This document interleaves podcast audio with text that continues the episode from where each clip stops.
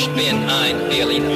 Hi, ich bin's, alter Army Rick Delisle. Sag mal, was willst du über Berlin wissen? Frag mich einfach. 94.3 RS2. Frag den alten Ami.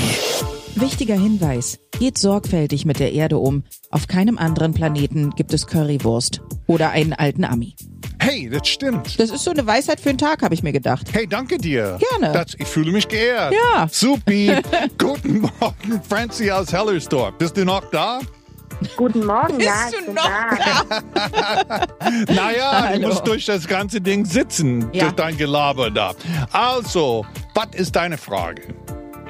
Ich würde gerne wissen, ob das eigentlich wirklich so ist, dass im Osten mehr Unionsfans sind und im Westen mehr Hertha-Fans.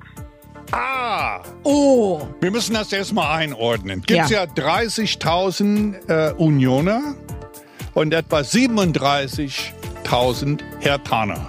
So, erstmal, dass das klar ist. Ähm, die meisten Union-Fans wohnen doch im Osten und Hertaner wohnen in der Regel im Westen. Aber es gibt ein paar Ausnahmen.